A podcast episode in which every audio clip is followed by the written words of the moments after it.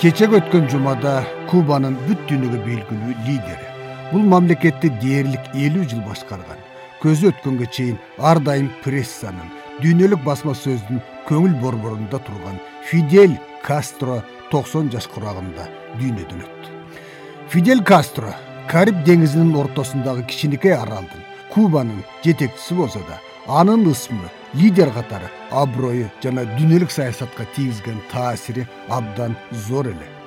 Аны жыйырманчы кылымдагы дүйнөлүк социалисттик кыймылдын эң эле атактуу да абройлуу да өкүлү десек эч бир аша чаппас элек. Ал эми кастронун бүтүн латын америкасындагы аброю өзүнчө сөзгө жана баага татыйт го ошол кастронун кастро элүү жыл жетектеген кубанын жолу менен кетебиз деп отуруп эң кеминде онго жакын түштүк американын чоң кичине мамлекеттери социалисттик эксперименттерди жасап көрүштү. Кара май менен газга бай венесуэланы көп жылдар бою фидельди ар дайым ата деп айткан өзүнүн пири катары туткан уго чавес башкарды.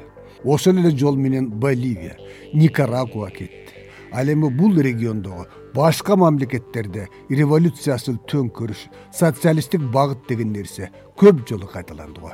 Ал эми кубанын аны башкарган фидель кастронун африкага азияга ал гана эмес европанын бир катар мамлекеттерине тийгизген таасири тууралуу айтып отурбайлы.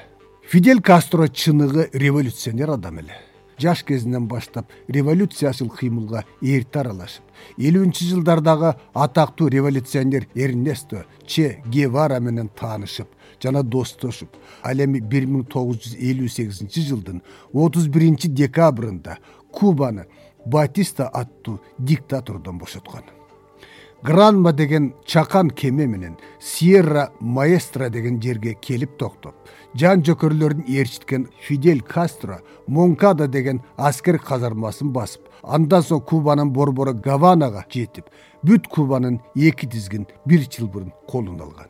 Алган соң ушул аралдын куралдуу күчтөрүнүн башкы командачысы болуп дайындалган.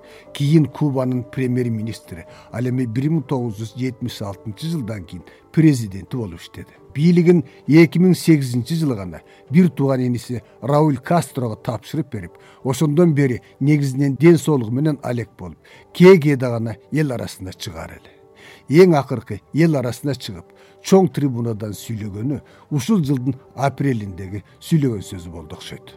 Ошондон кийин фидель кастро эч бир көрүнгөн жок жүз жашка чыкканга аракет кылам деп убадасын берсе да кудай берген ажалдан эч ким кутулбайт экен. Кечээги жума күнү фидель кастро токсондон токсон бирге караган курагында адүйнө салды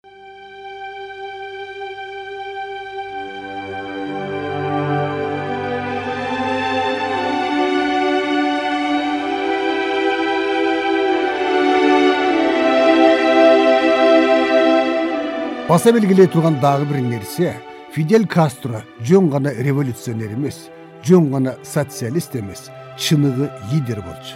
Анын доорунда куба өтө чоң жетишкендиктерге ээ болду. Бүтүндөй түштүк америкадагы эң жакшы медициналык система кубада болду.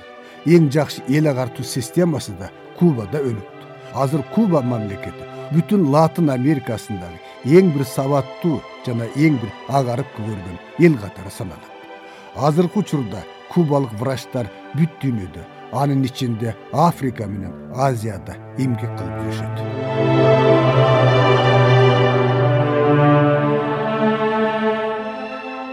Фидель кастро башкарган кубанын эң негизги ийгилиги дээрлик жетимиш жыл бою америка кошмо штаттары тарабынан экономикалык курчоого алынып эмбарго саясатына кириптер болсо да өз жолунан эч бир тайган жок.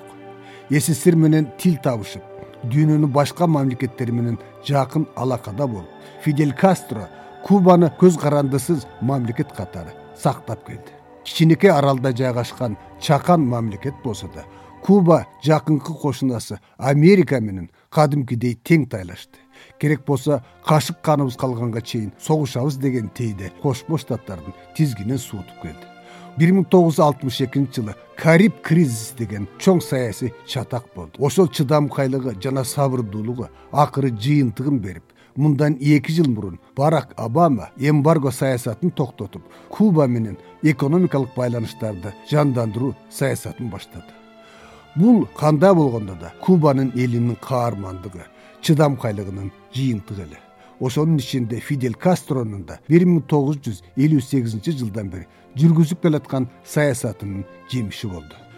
Фидель кастро кубаны туура элүү жыл башкарды.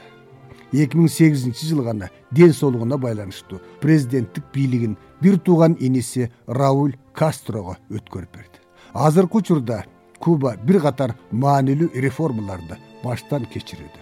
Ал реформалар негизинен жеке менчикке уруксат берүү социалдык тармактарды аз аздан мамлекеттен ажыратуу менен байланыштуу болууда.